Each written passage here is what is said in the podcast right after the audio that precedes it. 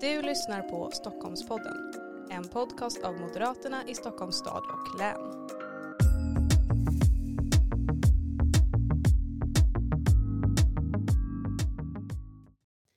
Hej och välkommen till det här extra avsnittet av Stockholmpodden med anledning av den stundande förbundsstämman för Stockholms stad i helgen. Med mig idag så har jag därför oppositionsborgarråden Andrea Hedin och Dennis Vedin från förbundsstyrelsen för Moderaterna i Stockholms stad. Varmt välkomna hit. Tack snälla. Tack. Och vi är här för att prata om en proposition eh, som heter Framtidens stad. Och den kommer att behandlas nu till helgen på stämman. Eh, och som tanken är då att vi ska prata lite mer om just den här propositionen här idag. Men eh, innan vi går in på det så har jag en fråga som är väldigt viktig. Hur ofta blandar folk ihop era efternamn egentligen? Ja, men inte så, så ofta som de borde tänkte jag, tänkte jag säga. Men jag har funderat mycket om det där har varit en råd, röd tråd i valberedningarna som vi inte känner till. Det vill säga att det ska vara lätt för Johan respektive för Koffa att eh, komma ihåg vilka deras sidekicks är och därför tar man Hedin och Vedin. Ja men jag tycker det ändå, det är nästan lite så Batman-Robin-stug på det. Det låter väldigt ja, snyggt. Det, det, är ju praktiskt på så sätt men eh, något jag märkt på Twitter är att eh, jag får upp, eh, det, det, finns en känd debattör åt vänster som heter Daniel Svedin. Eh, och där känns det som att folk ändå liksom, ibland taggar in oss på helt fel grejer. Som att så här, han har sagt det här och bara, nej det där har jag nog inte sagt, det där är nog mer han. så det, det är knepigt det där. Vi kanske får lite insiderinformation ibland. exakt. ja, ja, tack för det. Vi går in på uh, proppen här då och den heter ju som sagt Framtidens stad. Eh, kan ni lite kort sammanfatta vad den handlar om och vad ni vill uppnå med den här propositionen? Ja, men jag tror man ska börja i vad, vad, bakgrunden är till att förbundsstyrelsen ändå lägger fram den här propositionen ett mellanvalsår, för det brukar vi ju inte göra. Och det kommer sig naturligtvis av att vi har sett att vi förlorade valet i Stockholm. Vi såg att Stockholmsfrågorna hade svårt att komma upp på agendan så att det här är ett sätt att via stadens förbundsstämma då nu till helgen få upp frågorna på agendan som är viktigt för storstäderna och den tar sikte på partistämman i höst. Vi har försökt hitta vad, vad är moderat storstadspolitik? Det vill säga det är inte en huvudstadspropp utan det är en storstadspropp. Om vi flyttar till Göteborg eller Helsingborg eller Linköping imorgon, vad är det man skulle kunna känna igen att Moderaterna driver även där och vad är nästa steg som behöver komma upp då på partistämman utan att polarisera mellan stad och land utan snarare bredda Moderaternas politik. Ja, jag tror det där är särskilt viktigt just i ett läge när det är inte bara Stockholm som eh, Moderaterna haft det tufft i om man kollar i, i senaste valet. Utan det är ju dessutom i, i andra eh, storstäder eh, och, och, vi har en, en, en, stad, ett stadproblem rent generellt. Eh, och då är det lite frågan om vad är det vi då när vi har våra eh, interna diskussioner, förbundsstämma exempelvis, vad är det vi liksom kan samla oss kring och kanske försöka till partiledning eller nationella identifiera som det här är ganska viktiga knäckfrågor eh, för oss som, som utifrån hur det är att eh, leva i storstad och vad är ett, vad är ett frihetskoncept utifrån en, en storstadsväljare idag. Sen kan man vara ärlig och säga att vi gjorde en liten missbedömning. Vi tänkte ju att ja, det kanske inte blir så många motioner heller ett mellanvalsår. Så det är bra att slänga in en propp så att vi har någonting att diskutera. Och nu är det nästan hundra motioner. Så att, eh, ja, så kan det gå. Ja, ja, men det är väl extra matigt helt enkelt nu till helgen. Eh, det står i inledningen på den här propositionen att du som väljare ska känna igen Moderaternas politik för urbanitet, modernitet och hoppfullhet oavsett vilken större svensk stad du bor eller flyttar till. Hur långt ifrån det målet är vi idag? Ja, men det är väl ett problem som vi har, tror jag, att kanske det inte finns den här, jag höll på att säga röda tråden, men blåa tråden från oss. Eh, det är väl det vi kanske nu försöker att lägga grundstenarna i, men det ska man ju säga att att du som är med i partiet, du behövs i den diskussionen för att det är nu vi ska identifiera. Man har, människor har inte känt igen sig i, i Moderaterna på olika sätt. Eh, det har, varit, vi har blivit otydligare i vad som är vår just kärna. Eh, och då är ju nu vi ska, vi har tid på oss att definiera vad är det för, för just grundstenar som, som vi ska lägga och modernitet är ju en sån given aspekt. Framförallt också för en storstadsväljare. Det är ju det som, som vi så att säga vill gå in, sen ska gå in i de olika politiska frågorna när vi definierar vad är det som är viktigt för, för oss. Och det är väl det vi vill starta det samtalet med den här propositionen. Ja men precis eh, så. Och vad är det för politik Stockholm behöver för att locka människor i alla skeden? Vi har ju sett de senaste åren att barnfamiljer röstar med fötterna och lämnar Stockholm, tittar lite extra på vad är det man behöver för att stanna kvar mitt i livet. Men det ska vara lika roligt att bo i Stockholm som både student och, och pensionär. Men jag tror också att vi har ett, ett särskilt ansvar att börja bygga en Stockholmsmoderat identitet igen. Vi hade den väldigt starkt för några år sedan men har blivit eh, lite omsprungna av Skåne Moderaterna så det gäller att ta upp kampen där lite partisk fråga kanske, men hur viktig är Stockholm för Moderaterna? Och det är ju verkligen, och där tycker jag verkligen det går att läsa eh, rejält om i nationella eh, eftervalsanalysen. Eh, för det är ju uppenbart att eh, alltså bara man kollar på Stockholm, Göteborg eh, och de, den andelen som Stock, våra väljare i Stockholm och Göteborg stod för på säg 70-talet var över 20 procent och nu är vi nere på runt 13.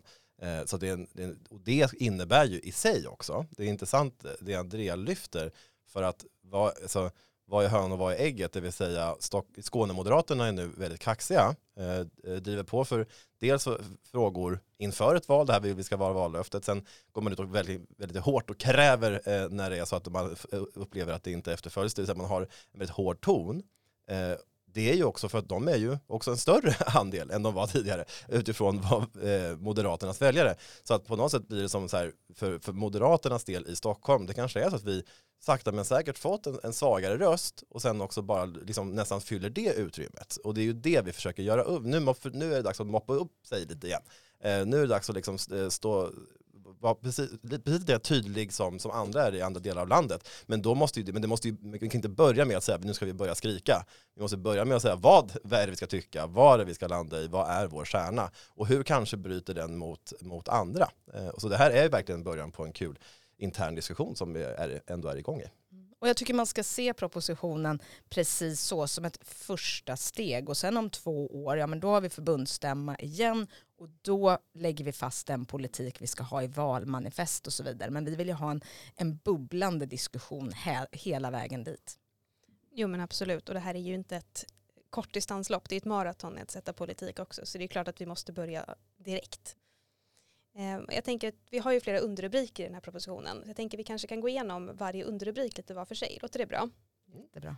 Super, men då börjar vi med första rubriken som är levande stad. På vilket sätt ska vi uppnå det?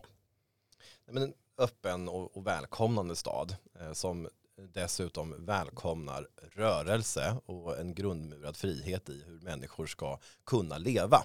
Eh, och här lägger vi ändå eh, an väldigt tydliga saker som jag kanske tror att man upplever varit väldigt eh, frågade kring vart vi, vart vi står tidigare. Exempelvis en sån sak är ju östlig förbindelse. Alltså vart är Moderaterna kring att det ska, vi ska ha en ring runt staden och att vi då därmed ska ha en mindre genomfartstrafik i själva eh, innerstaden.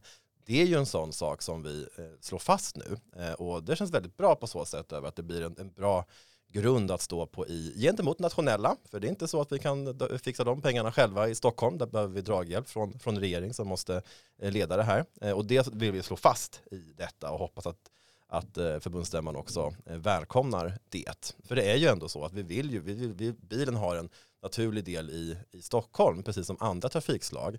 Eh, men det viktiga är ju att man inte ska behöva ta sig igenom Stockholm för att ta sig förbi Stockholm. Det är ändå en given sak och det är därför tror jag också sånt som östlig ändå är en viktig sak i, i detta.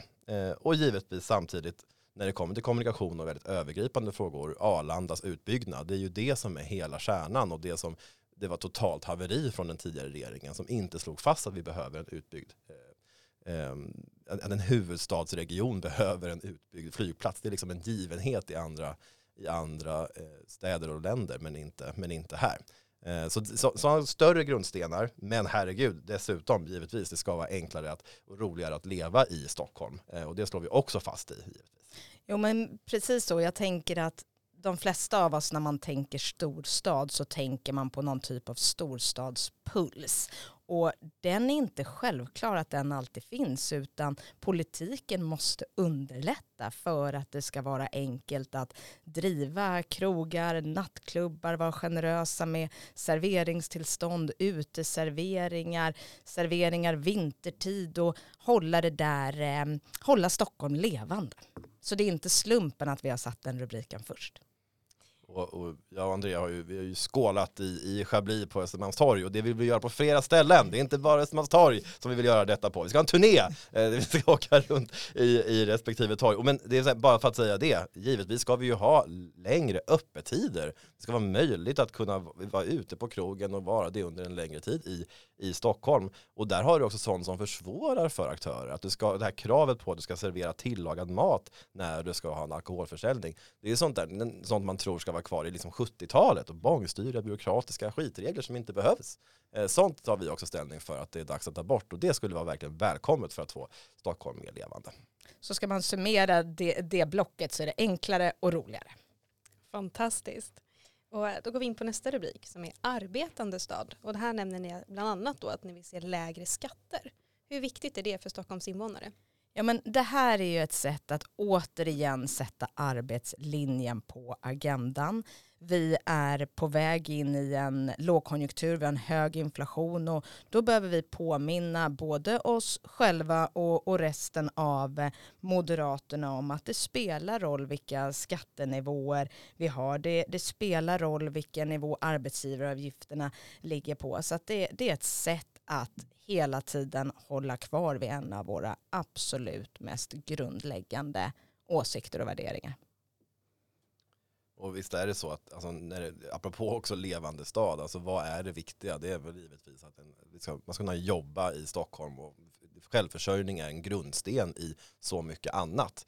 Eh, där tror jag liksom vi har en, eh, inte nog med när vi nämnde krogbranschen, det är just en sån bransch som bara skriker efter människor. Och sen ser vi i Stockholm att det finns en sån otrolig eh, segregation, att det finns utanförskap som har murat sig fast i, i, många områden. Givet, det finns ju människor där ute, eh, men så har vi konstiga system som så att säga gör att incitamentet är tillräckligt högt för att faktiskt skaffa det där första jobbet. Mm.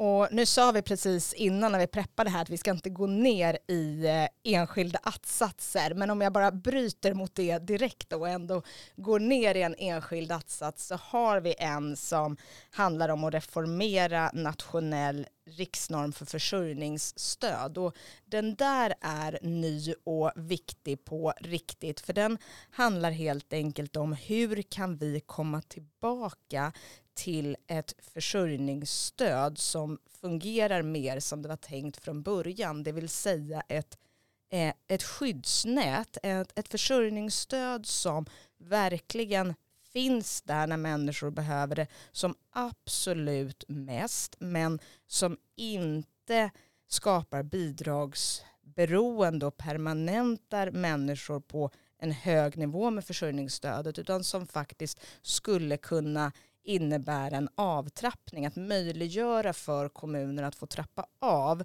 försörjningsstödet så att man också får en effekt att ja, men nu är det dags att sätta in nya åtgärder. Nu har du varit på, i ett bidragsberoende under väldigt lång tid. Nu måste vi se vilka andra insatser som behöver göras. Och det handlar ju om att få människor i arbete. Det är viktigt att komma ihåg att det är det viktigaste grundläggande målet. Är det någon konflikt där gentemot resten av Sverige i just det här äh, med arbete? Inte i arbete men i, i vägen dit och jag tror att många instinktivt kan tänka oj, ja, men ska vi ha olika bidragsnivåer? När bidragstak presenterades var det kontroversiellt. Det är mer etablerat nu men jag tror att människor kan reagera men förklarar vi vad det handlar om och just att kunna ha en, eh, en avtrappning i systemet för att också ställa krav i andra änden och få den effekten så tror jag att människor kommer tycka att det är en bra idé. Tror jag också. Eh, och jag tänker att den som lyssnar nu antagligen anar ett visst tema i även rubriken som under rubrikerna. För tredje rubriken blir då växande stad. Kan ni berätta lite om den? Nej men, eh, givetvis så är ju Eh, att en stad ska växa eh, naturligt på så sätt att det eh, visar på att det är en, en välmående stad. Det vill vi. Men då utifrån nu att vi har haft utflyttning från Stockholm eh, i ökande takt. Eh, vi har ett läge där vi kanske inte har byggt precis så som utifrån hur, hur som stockholmarna vill bo. Eh, då finns det anledning till ett omtag i de här eh, frågorna. Eh, och där slår vi fast just sånt som jag varit här och pratat om tidigare med att exempelvis när det kommer till villområden som som, som har funnits länge, som är har, verkligen mest traditionella, eh, vackraste, mest populära platser i, i Stockholm att bo på. Där har vi ju ett vänsterstyre som vill, vill gå in med, med grävmaskinerna eh, och se till då att man ska tillåta ovarsam förtätning, att du vill ha eh, allmännyttiga hyresrätter där som ett, bara ett, utifrån ett egenvärde i sig. Fastän, fastän av tradition så är det så att, att de här områdena inte har det vi ska liksom slå vakt om respektive områdes eh, befintliga sätt att, att se ut idag. Behålla den gestaltning som, som finns så att ett, ett område ska utvecklas med harmoni. Eh, och det där kan man tro är liksom så att säga något givet. Men medan vi säger att vänsterstyret gör en sak. Eh, vi eh, noterar nu att Timbro var ute nu i förra veckan och började vifta om att man ska riva kyrkor och bygga höghus istället. Eh, det menar jag att säga, men det är ju precis lika mycket fel. Alltså det vill säga, det, det, borgerlig bostadspolitik får inte vara eh, grävmaskiner. Eh, det var så att säga Hjalmar Mer eh, Norrmalmsrivningarnas eh, sätt att, eh, att jobba. Eh, vi ska ta, ta, ta, ha, utgå ifrån en respekt för Stockholms historia, för kulturvärden och för att människor också vill, vill bo på, på, på det sätt som vi, som vi ser idag är de mest populära. Eh, så att säga, så absolut, du kan få stå där och, och, och vara, vara höger om du vill och säga att den grönytan ska bort eller ett höghus ska fram på den här plätten där eh, det inte finns idag. Eh, jag tror inte att det är sättet att gå fram med detta. Sen är det viktigt att en stad fortsätter utvecklas så att vi hittar de här platserna för att identifiera nya stadsutvecklingsprojekt och, och att, vi, att vi på så sätt växer som som stad. Men då, då handlar det mycket om lagstiftning som ska göra det enklare att, att bygga idag. Eh, och det slår vi så att säga vakt om. Eh, och en moderat grundprincip ska ju vara samtidigt som Eh, vi ska, vi ska värna det gamla, eh, gå, gå, gå fram med, med projekt som människor efterfrågar. Då ska det ju givetvis också vara att det är ägt boende som människor har. Till och med människor, eh, när de får frågan, Hyresgästföreningen gör undersökningar, så säger till och med människor att de vill bo i ägt boende till slut och gärna, gärna också i villa. Och det är så vi också måste jobba. Och där tror jag vi kan med detta gasa ännu mer och, och se till så att det händer någonting nationellt kring dessa lagstiftningsfrågor. Just det här med villor, det är ju som sagt väldigt populärt men det finns ju också en väldigt begränsad mängd småhus och villor i Stockholms stad. Eh, tror vi att det kan vara en framgång här? Att vi försöker bygga mer småhus snarare än lägenheter? Det tror vi skulle vara bra. Eh, det är svårt men vi vill att, se till att man eh, i de här eh, ansvariga förvaltningarna verkligen får i uppdraget att identifiera sådana nya platser. Givetvis är ju stadsradhus också en viktig eh, framkomlig väg som man skulle kunna använda på flera platser. Eh, det, och så, det tror jag till och med när man våra allmännyttiga bostadsbolag skulle också kunna börja. Det har man gjort en gång i tiden. Så byggde man faktiskt stadsradhus. Och det går ju på vissa ställen när det faktiskt inte är rimligt med annan typ av bebyggelse. Så, eh, man ska inte alltid utgå ifrån volymmålen när man, när man kollar på hur Stockholm ska utvecklas. Det är också andra värden, exempelvis hur människor vill bo, som vi ska utgå ifrån. Och vi har ju pratat rätt mycket får man lov att säga i, i Stadshuset om precis det, det vill säga under lång tid så har det varit ett stort fokus just på volymmål. Det har byggts mycket men det är små lägenheter.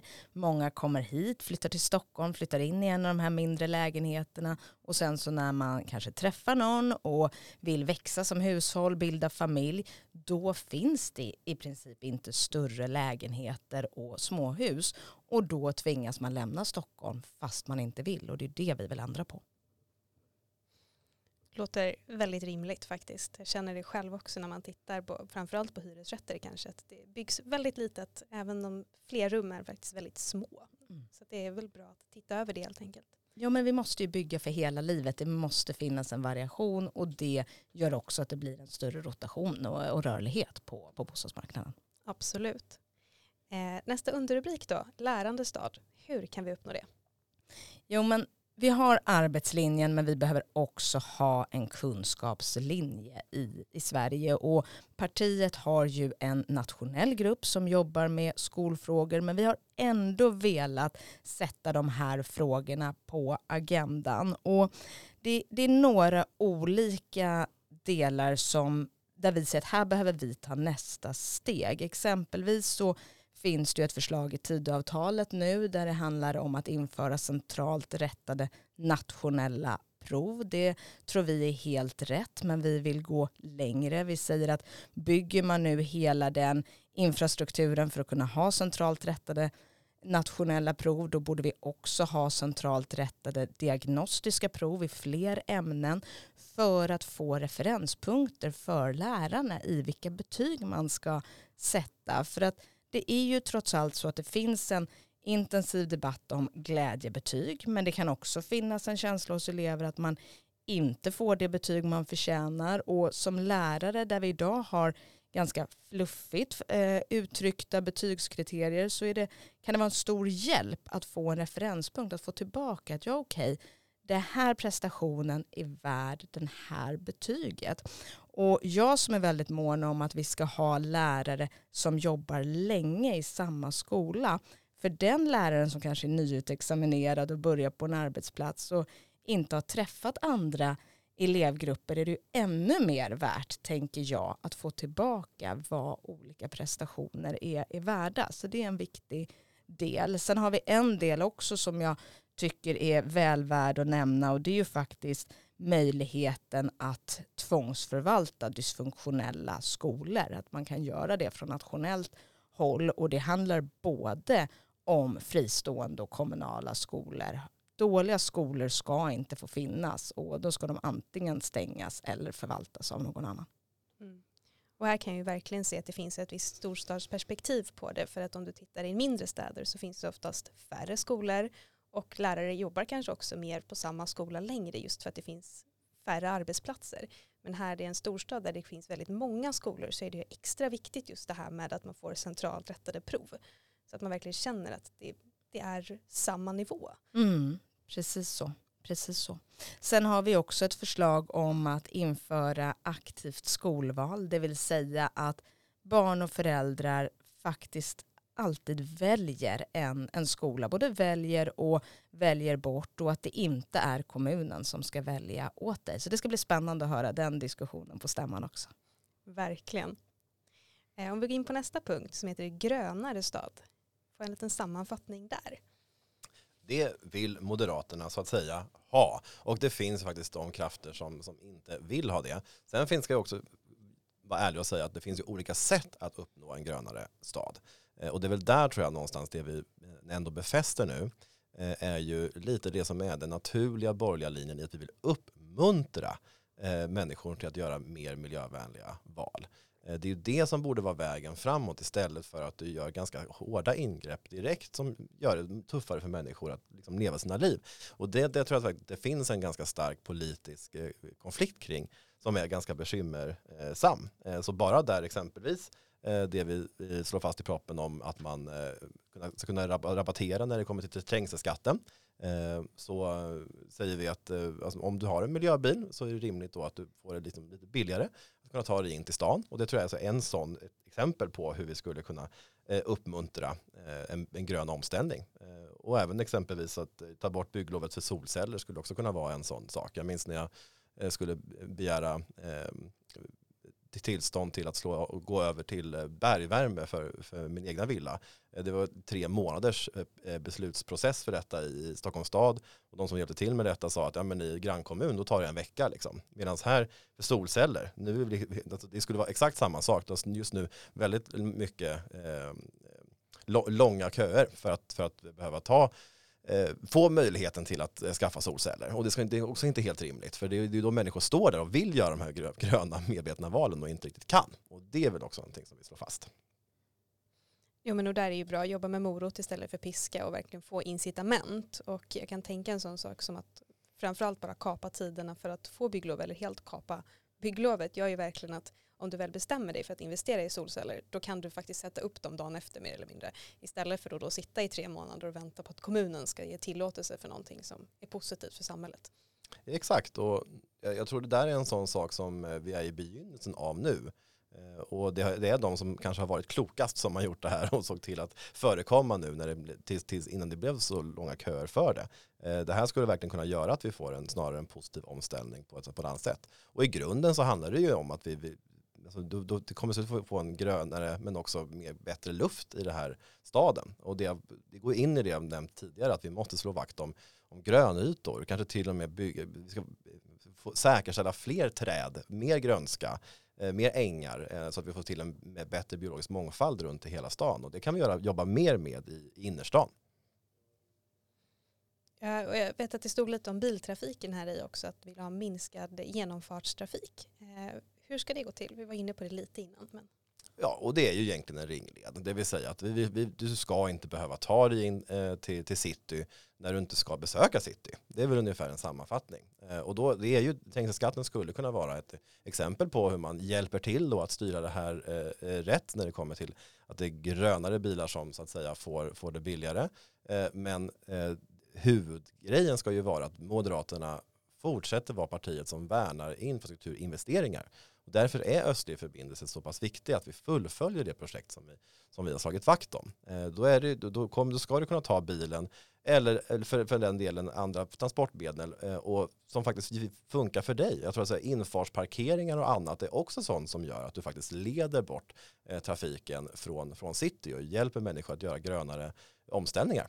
Du, tänk om du bara kan ställa Eh, men som jag då som har en, en, en eh, väg till, eh, till Spånga station exempelvis. Ja, men då ska man ställa bilen där eller ställa cykeln där och sen ta kollektivtrafik in. Om fler kan, om fler kan göra sådana medvetna val så är ju det bra för, för Stockholms grönska.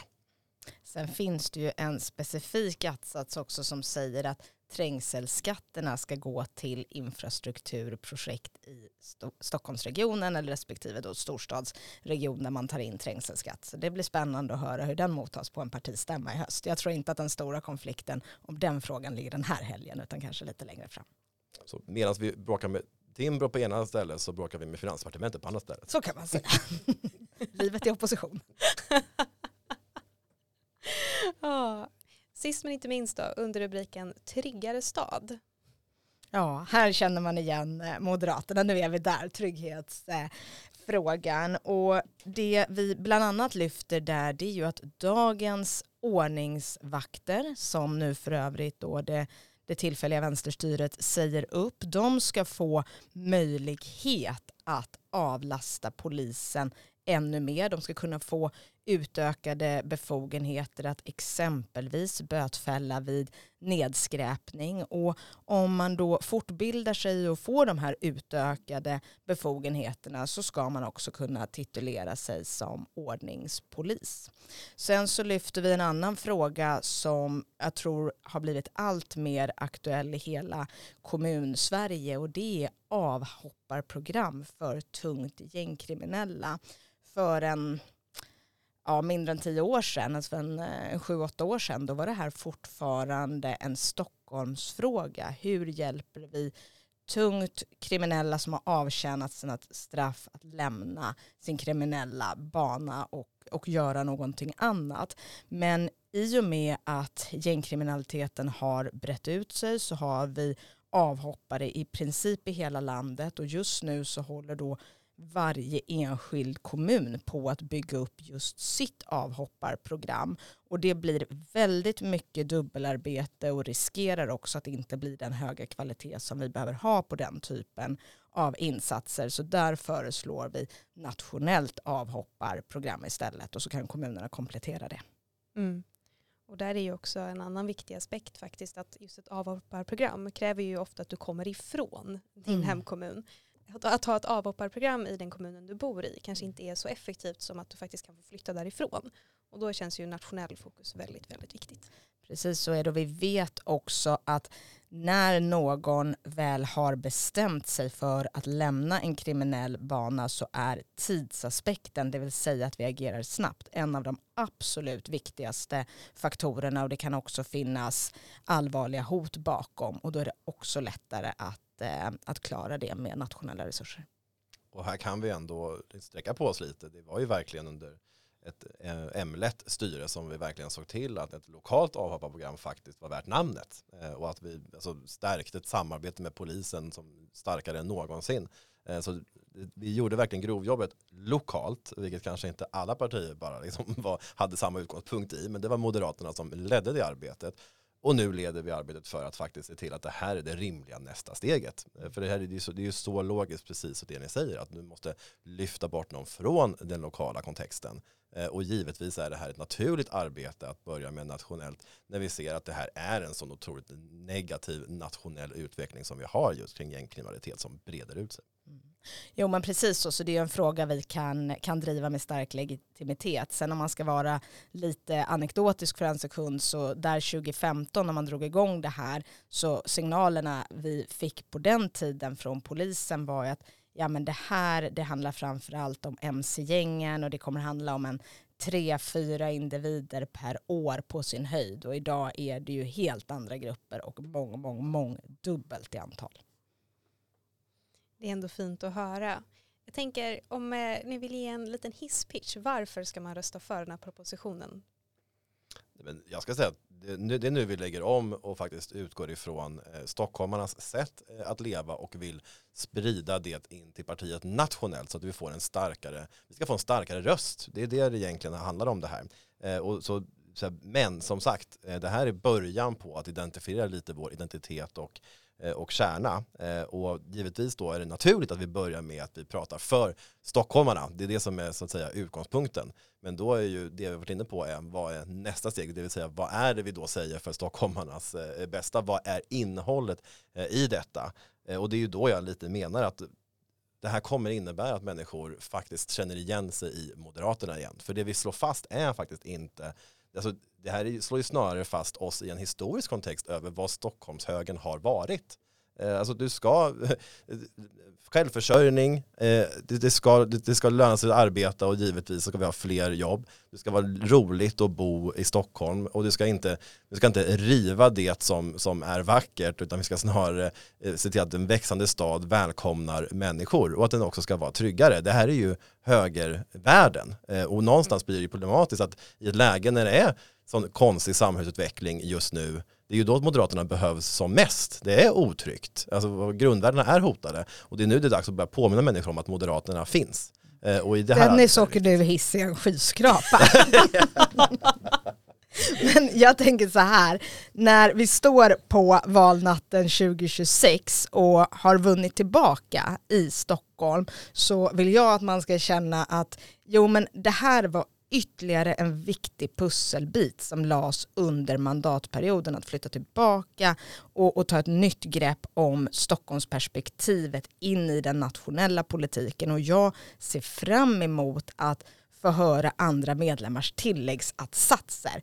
Inte nödvändigtvis ändringsatsatser, för vi, vi har ju formulerat det väldigt bra från, från förbundsstyrelsen naturligtvis. Men, men tilläggsatsatser utifrån, okej okay, vad är det ännu fler för förslag som vi behöver föra in eh, på nationell nivå.